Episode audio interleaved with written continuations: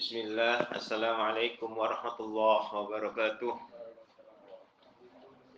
Innal hamdalillah nahmaduhu wa nasta'inu wa nastaghfiruh wa na'udzu billahi min shururi anfusina wa min sayyiati a'malina may yahdihillahu fala mudhillalah wa may yudlil fala hadiyalah. Asyhadu an la ilaha illallah wahdahu la syarikalah وأشهد أن محمدا عبده ورسوله الذي لا نبي بعد. اللهم صل وسلم وبارك على نبينا محمد صلى الله عليه وسلم وعلى آله وصحبه واتبعهم بإحسان إلى يوم الدين. قال الله تعالى في كتابه الكريم يا أيها الذين آمنوا اتقوا الله حق تقاته ولا تموتن إلا وأنتم مسلمون يا أيها الناس اتقوا ربكم الذي خلقكم من نفس واحدة وخلق منها زوجها وبث منهما رجالا كثيرا ونساء واتقوا الله الذي تساءلون به والأرحام إن الله كان عليكم رقيبا يا أيها الذين آمنوا اتقوا الله وقولوا قولا سديدا يصلح لكم أعمالكم ويغفر لكم ذنوبكم. ومن يطع الله ورسوله فقد فاز فوزا عظيما. أما بعد فإن أصدق الحديث كتاب الله وخير الهدي هدي محمد صلى الله عليه وسلم وشر الأمور محدثتها وكل محدثة بدعة وكل بدعة ضلالة وكل ضلالة في النار Ikhwani wa akhwati fillah rahimani wa rahimakumullah Alhamdulillah Allah masih berkenan mempertemukan kita sekalian Semoga saja Allah senantiasa memberikan kepada kita seluruh keluarga kita untuk sehat selalu dan kalaulah sakit maka segera disembuhkan. Akhwani wa akhwati fillah rahimani wa rahimakumullah. Hari ini saya dan Anda sama-sama membahas mengenai 90 kesalahan di dalam masjid nomor yang ke-61 yaitu adanya meletakkan hidangan makanan di masjid untuk para pentakziah. Biasanya orang-orang yang sudah wafat, yang sudah dikuburkan, lalu keluarganya itu membawa makanan ke masjid-masjid atau ke musola-musola, ya agar mereka pada sholat ini berdoa untuk sang mayat ya. Ada beberapa kesalahan. Pertama, berkumpulnya seperti ini tidak pernah ada di zaman Nabi dan para sahabat. Karena setelah menguburkan mayit, mereka pulang ke rumahnya masing-masing.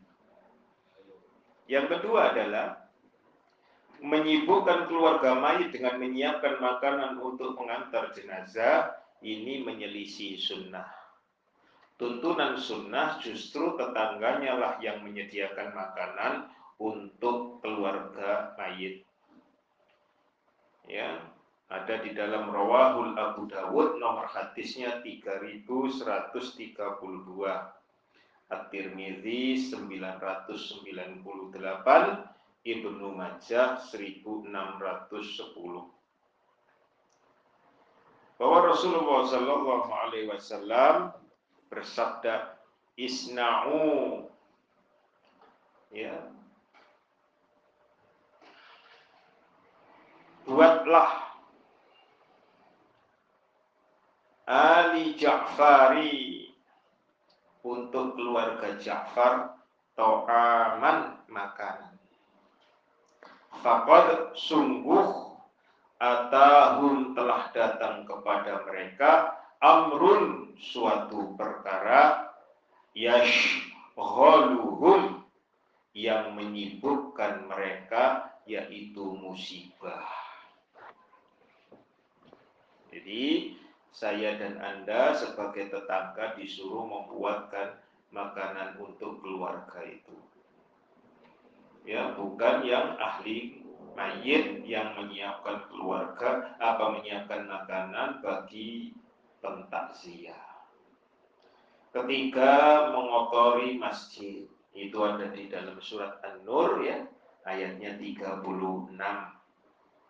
Surat An-Nur, surat 24 di mana berdasarkan surat An-Nur 36, surat 24 ayat 36 ini, rumah-rumah Allah itu diperintahkan untuk dimuliakan, bukan untuk dikotori dengan sisa-sisa makanan.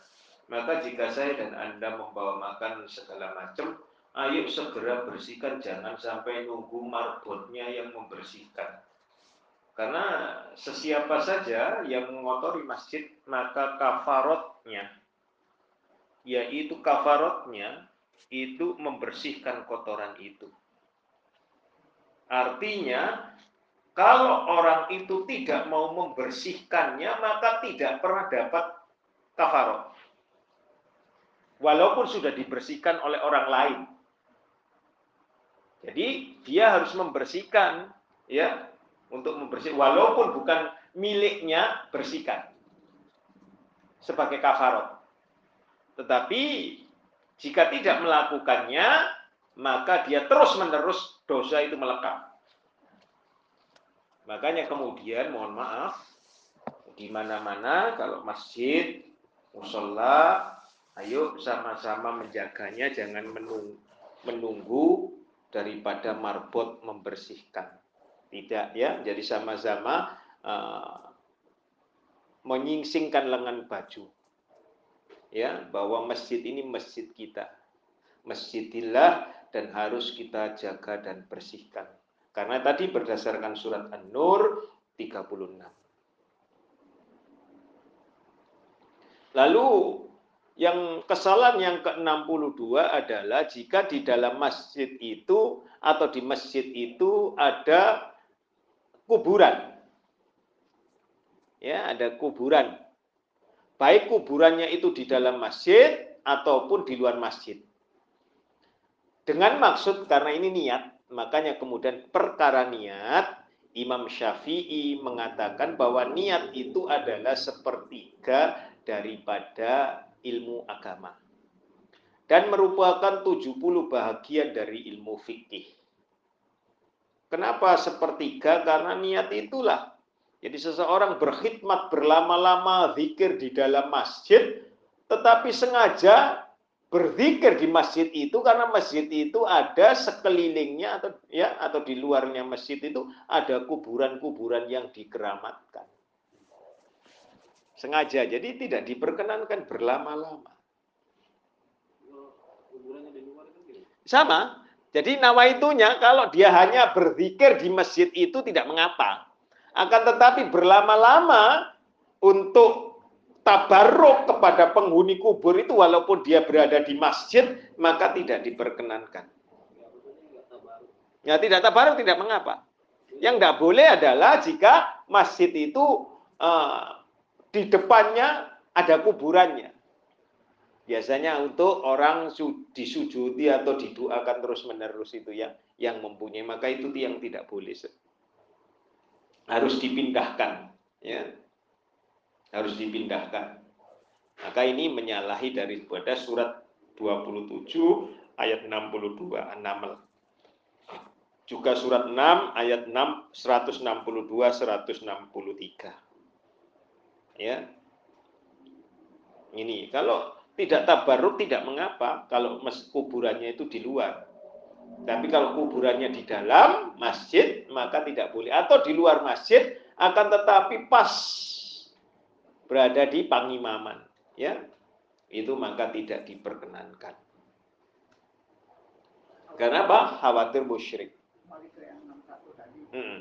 Jadi orang-orang yang menguburkan, kemudian oleh tetangga-tetangga si apa itu yang namanya itu diberi makan jadi yang masih makan bukan bukan keluarga si Mai tapi tetangganya ngasih makan di, iya. di halaman rumah dia misalkan boleh nggak itu? boleh boleh Iya, enggak apa-apa.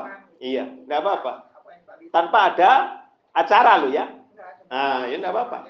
Tidak apa-apa. Iya. Iya, boleh. Boleh. Tapi bukan tetangganya yang suruh makan di situ, keluarga si mayit. Oh, kalau tetangganya suruh pulang makan di rumah saja. Makanya hadis itu perhatikan betul-betul. Buatlah makanan untuk keluarga Ja'far. Iya, bukan kemudian untuk tetangga-tetangga yang lain yang tadi bertakziah, bukan. Karena mereka, keluarga Ja'far itu mendapatkan musibah yang menyibukkan. Perhatikan betul hadisnya, ya kan? Nah. Lalu ada kesalahan yang ketiga, yang ke-63 itu mendahulukan orang lain untuk memasuki masjid atau soft, terutama soft ya, kalau memasuki masjid enggak, tetapi soft ini rata-rata. Silahkan maju duluan. Maka enggak boleh seperti demikian. Karena manusia harus berlomba-lomba. Surat Al-Mutaffifin ayat 26. Harus berlomba-lomba. Fastabikul khairat. Ya. Lalu surat Ali Imran ayat 133 itu.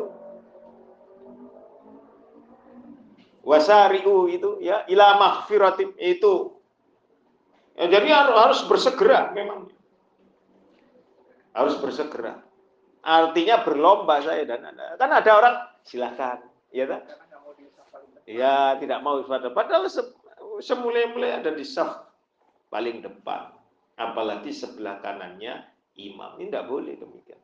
Jadi kalau saya dan Anda melakukan hal seperti itu termasuk saya dan Anda melakukan bid'ah. Ya, melakukan bid'ah.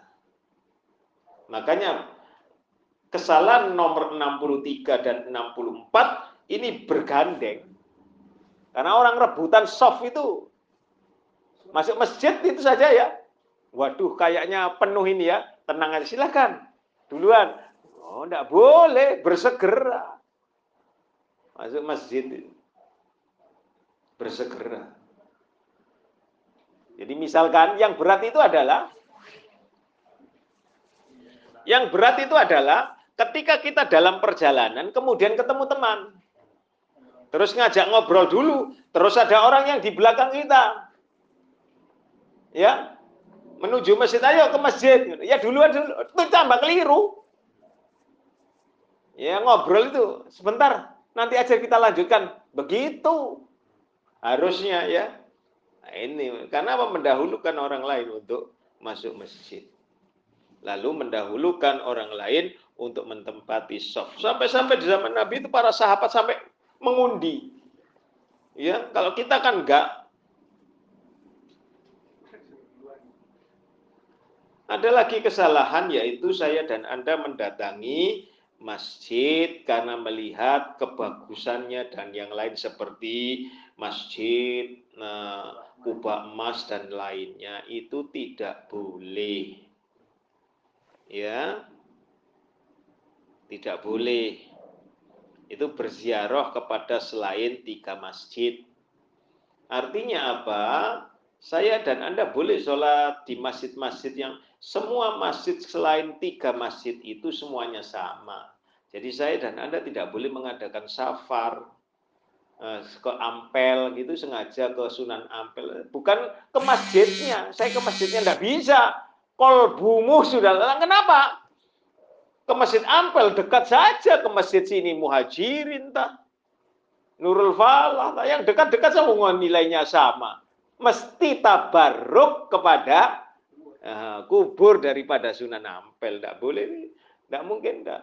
Saya kemarin ziarah ke uh, Banten Lama. Tidak perlu.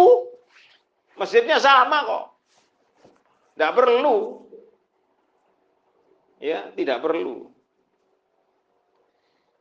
Kenapa? Karena di sana rata-rata orang-orang ini beribadah sebagaimana ibadahnya orang-orang sebelum Islam. La'anallahu al-yahuda wan nasara. Rasulullah sallallahu alaihi wasallam bersabda, telah dilaknati atau semoga Allah melaknati Yahuda wan Nasoro. Ittakhadhu kubura yang telah menjadikan kubur ihim para nabi-nabi mereka itu masajidan sebagai tempat ibadah.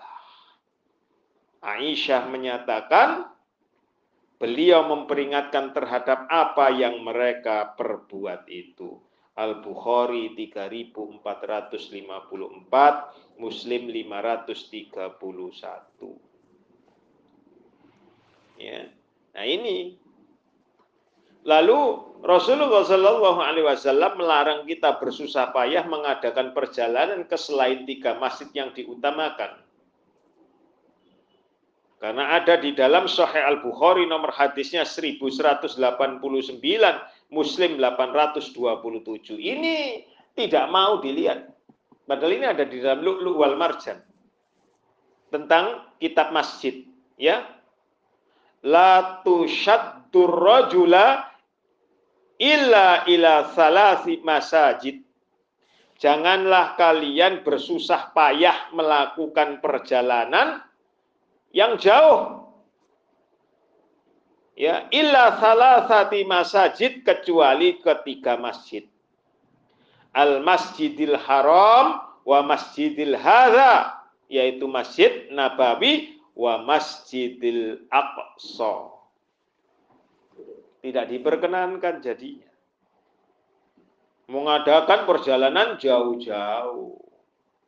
Kalau begitu orang yang melakukan pakai bis, pakai segala macam, boleh enggak? Ya tidak boleh. Itu zaman saya lampau untuk cari nafkah emplok-emplok. Ya karena sepertinya Allah sepertinya saya tidak bisa makan kecuali mengadakan hal-hal begitu. Namanya ziarah kubur dan yang lainnya atau wisata religi. Ora ono Wisata religi hanya tiga itu saja. Ya di tiga masjid itu. Ya mutafakkan alaih. Ditolak demikian ini. Ini yang banyak sekali.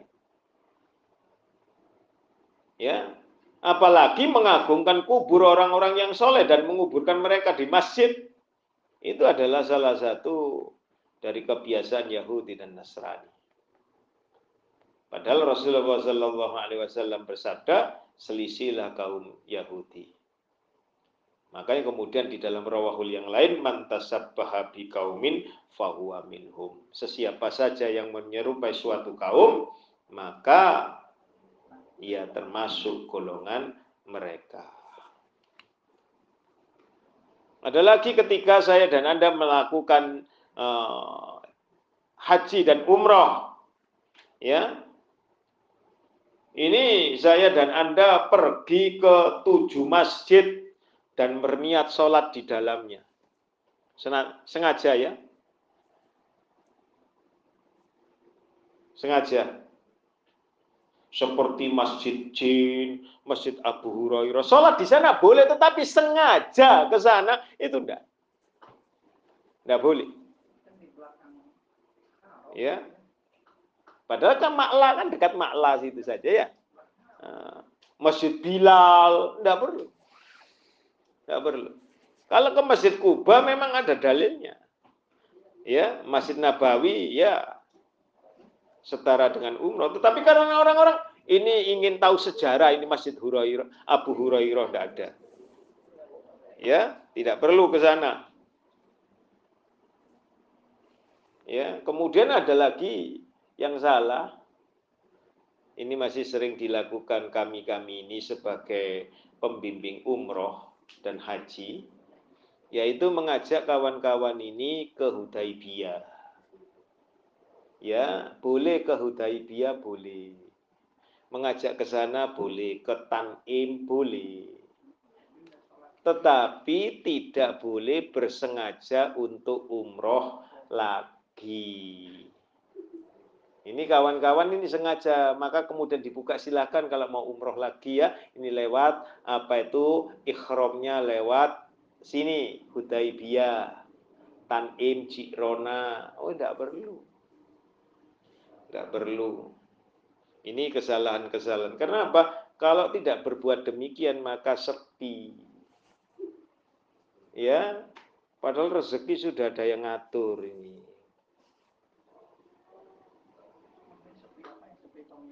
Sepi peminatnya kan yang rame, yang ahli ahli bid'ah begitu itu rame.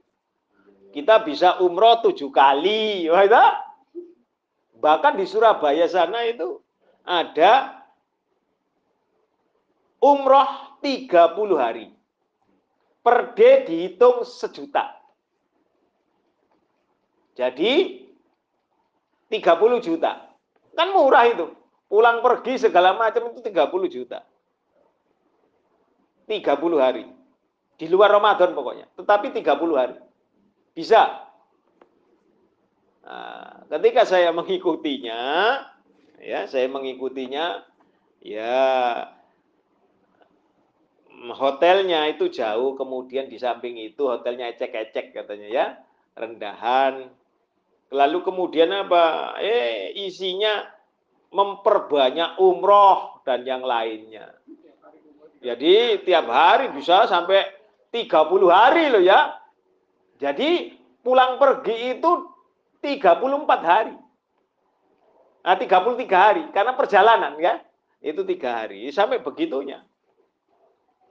Nanti ditambah katanya 30 juta itu kalau dihitung lebih dari hampir 40. Kenapa? Nanti ah, jalan-jalan uh, ke sana bayar lagi, jalan-jalan lagi ke sana. Wah, itu itu wes lagu lama itu. Termasuk bagi mereka kawan-kawan yang tidak mau ikut, misalkan karena sudah pernah tidak mau ikut ke Gua Sur, ke mana-mana, tetap harus bayar. Alasannya bisnya sudah di booking. Nah, itu yang jadi masalah. Banyak penipuan ya, banyak penipuan. Ini terjadi. Lalu berniat eh, berziarah ke Gua Hira dengan niat sholat di dalamnya atau tabaruk dari tempat-tempat itu. Termasuk ke mana ini? Arafah. Jabal Rohma ya. Kemudian ke Gua sur itu termasuk itu ya. Ya, jauh. Tetapi orang waduh berjibaku. Is pokoknya untuk menuju syirik dan bid'ah itu memang betul-betul ya. Betul-betul hebat itu. Lalu bernazar pergi ke masjid yang ada makamnya. Nazar lo ya.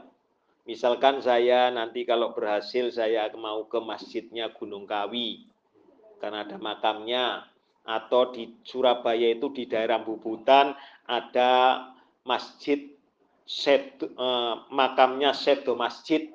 Yang Sedo Masjid Joko Jumput. Ya itu. Jadi di sana banyak orang yang datang ke tempat itu. Kuburannya di tengah-tengah persis.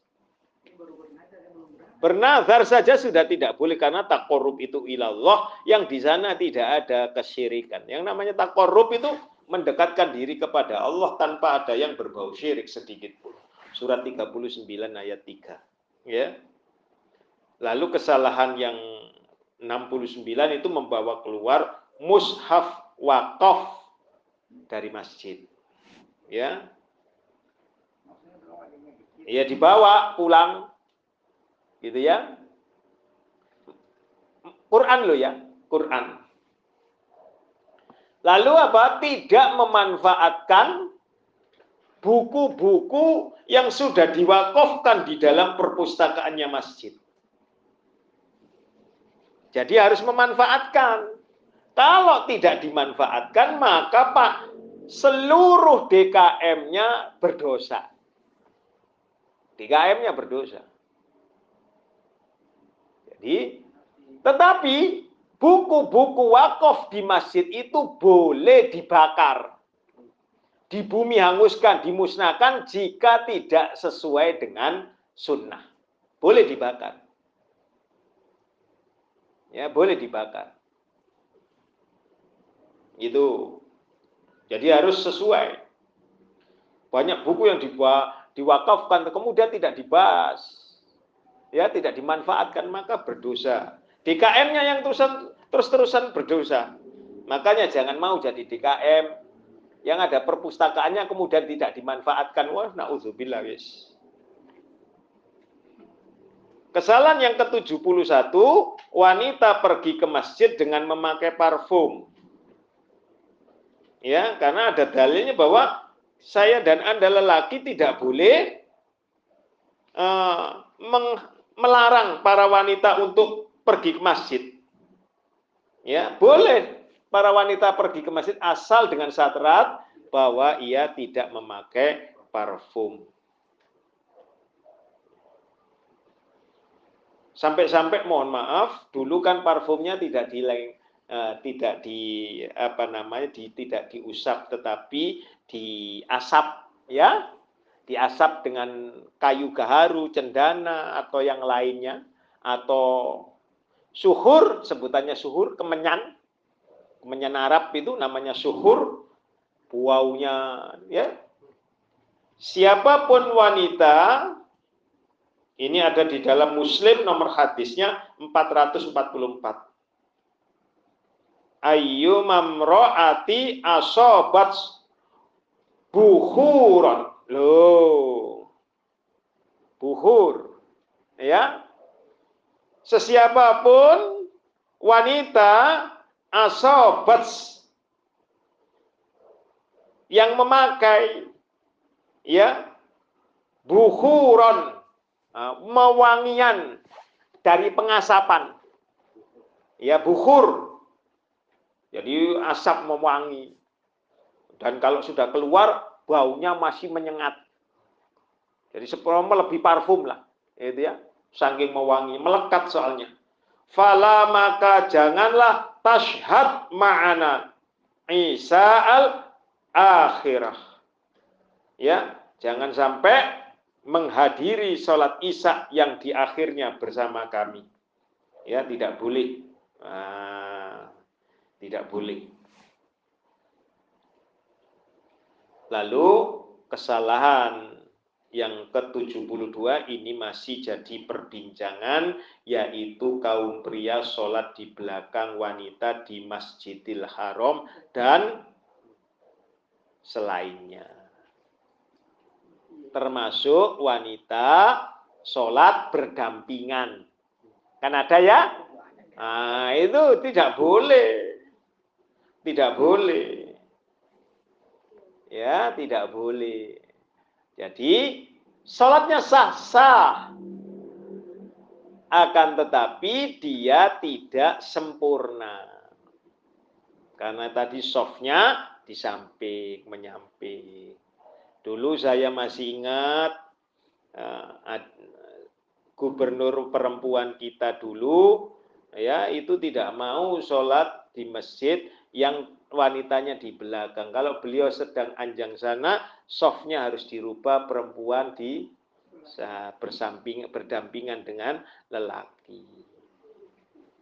Ya, itu tidak ada yang demikian tanda tidak ngerti. Gitu, DKM-nya ya ya saja supaya dapat uang sumbangan dari gubernur ada. Hah? Di Madinah?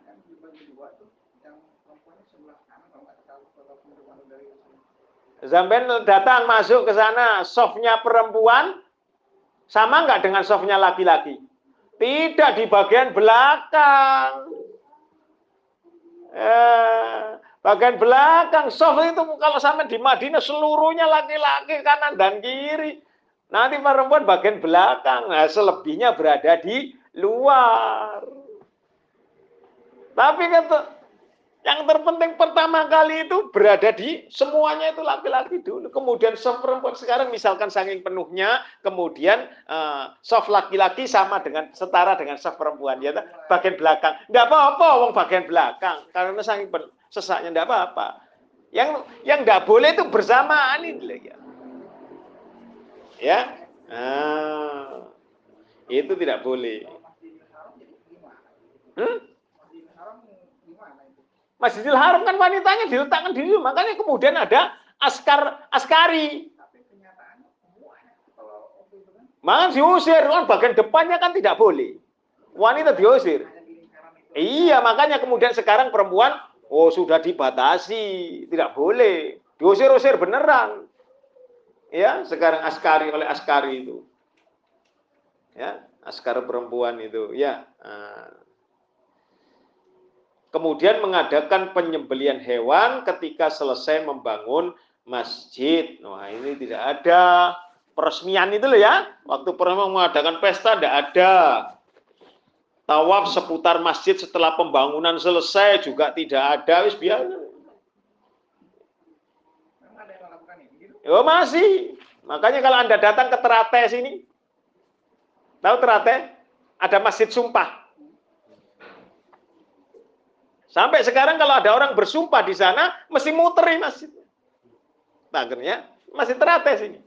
Di Terate, tahu nggak? Oh, coba Anda ke sana. Nanti saya bilang, Masjid Sumpah, tahu sudah. Ya tanya, oh sana, warga sana ya masih Terate. Masih terkenal sampai sekarang. Di Madura juga begitu ada. Ya, di Madura ada. Jadi kalau ada orang habis sumpah pocong begitu disuruh tawaf. Ya, wis aneh-aneh sudah. Lalu menyembeli hewan ketika selesai eh, tadi sudah selesai kemudian mengusap pintu dan dinding Masjidil Haram atau Masjid Nabawi itu mencari keberkahan ini bagi biasanya ibu-ibu ini ya tabarruk ini sampai-sampai mohon maaf kalau bapak-bapaknya ini mengusap sajadah atau sarungnya atau pecinya ke kubah eh, ke kiswah eh, kiswahnya Ka'bah diusap-usapkan itu ya. Wah, itu tabar kemudian diciumin. Nah, perlu yang model begini nih masih banyak ini. Ya. Lalu mengusap mihrab dan dinding masjid di Arafah yaitu Masjid Namiroh. Ya. Ada Masjid Namiroh. Kemudian menyisipkan foto di Jabal Rahmah itu ya, ini sudah ada itu. Itu. Bahkan sekarang Namiro juga begitu karena berada di Arafah, Namiro itu juga dipasangi foto-foto, dimasukkan di sela-selanya. Aisyna'udzubillah. Gitu. Ya. Lalu membuat jendela di sebelah kanan mimbar di dinding kiblat, ya. Biasanya itu mimbar ini tampak ya. Supaya tampak bisa keluar kepalanya ya. Nah, ini juga tidak boleh. Lalu masuk masjid dengan membawa senjata yang terlepas dari sarangkanya terhunus ya. Itu tidak boleh. Jadi boleh memegang seperti anak panahnya itu yang ujungnya yang dipegang. Jadi bukan dibawa apa itu pas ada uh, bulunya yang dipegang tetapi tidak hanya mata-mata panahnya yang dipegang. Kalau tidak maka tidak boleh agar tidak melukai orang, ya. Lalu pergi ke masjid dengan uh, apa namanya menjalin tangan. Ya, menjalin tangan. Nah, di gini ya.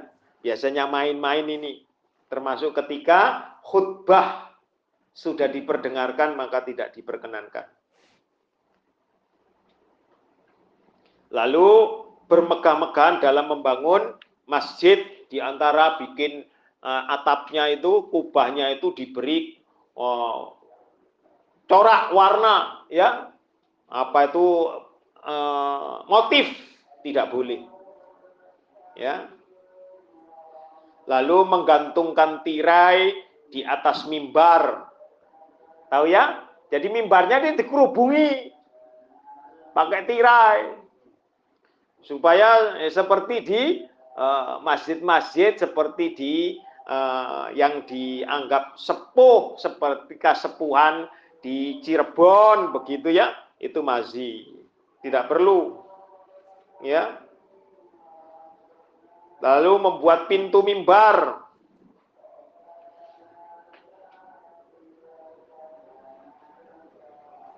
ya itu tidak perlu. Kan mimbar ini kotak ya.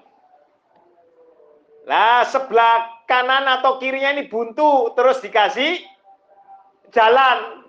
Sengaja dipotong. Itu kan pintu. Kretek. Itu banyak sekali. Maka tidak boleh. Ya?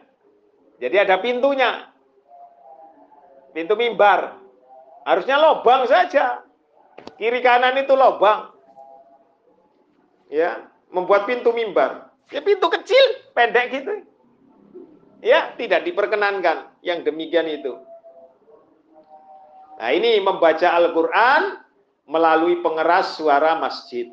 Kapan pun ini ya, mau sebelum subuh, nah, seperti ini ya, di antaranya. Anda dengar ini ya. Nah. Papan dan gambar di masjid juga tidak ada. Ya, misalkan tangga kalender ada gambarnya taruh di masjid, nggak boleh.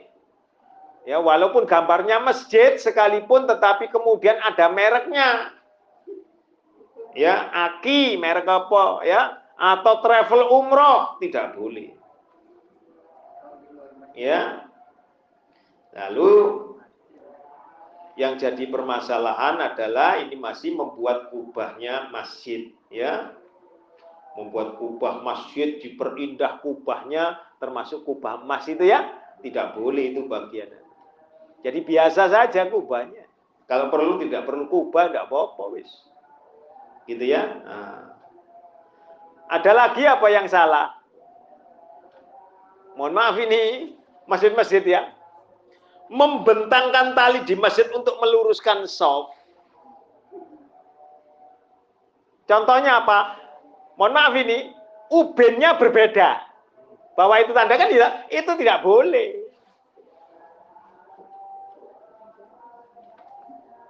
Ya, sebenarnya tidak boleh mau atau tah.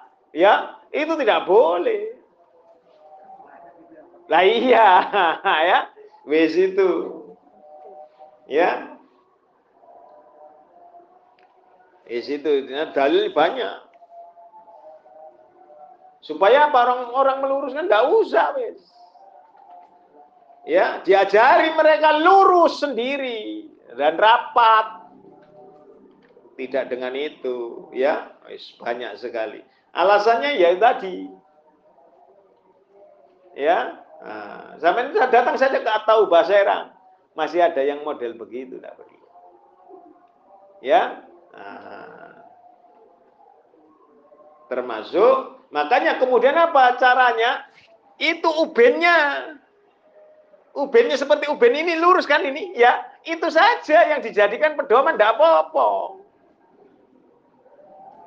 Sekian nah, udah. Iya, natnya itu saja pakai. Tidak usah di belang-belang belonteng atau kemudian dikasih stiker atau dikasih apa. Itu. Ya, al-muhajirin. Ya, kemudian hampir seluruhnya tempat saya juga sama. Iya. Tidak perlu hal yang demikian ini. Ya, tetapi itulah yang kekeliruan. Ya, Lalu membangun tembok kecil di belakangnya soft pertama. Ya, supaya untuk apa? Untuk sandaran, tidak boleh, ya. Lalu menulis nama donatur masjid di pintu masjid, tidak perlu. Di dindingnya masjid tidak perlu donaturnya, wis tidak usah. Wong lillah kok ya. Atau pingin namanya disebut-sebut. Terus berlebih-lebihan dalam hal lampu masjid, ya. Iya penerangannya. Penerangannya tidak usah terlalu terang biasa-biasa saja. Karena ada yang over begitu ya. Tidak perlu. Lalu keluar dari Masjidil Haram dan Masjid Nabawi dengan cara berjalan mundur pada tawaf wada. Ini kan berjalan mundur rata-rata India ya nah, maka tidak diperkenankan. Dalil-dalilnya masih banyak ini. Ya, nah ini sudah selesai 90 kesalahan di dalam masjid. Tetapi terus terang, kebanyakan masjid yang sudah jadi yang bagaimana? Ya tadi kalau lihat bagian-bagian yang lampau maka DKM-nya harus membongkarnya dan menggantinya dengan yang sama. Ya, nah itu. Ini yang berat ya. Kalau enggak maka dia ter, mereka terus sebagai DKM berdosa terus menerus. DKM-nya cuek bebek ya. gitu ya. Walaupun pakai mohon maaf ini menggariskannya pakai selotip ya kan? Karena ada yang pakai selotip tetap saja tidak boleh. Ya, tidak boleh. Sampai di sini kurang lebihnya sudah selesai ya tentang 90 kesalahan di dalam masjid. Semoga saja uh, kita tidak melakukan kesalahan-kesalahan ya.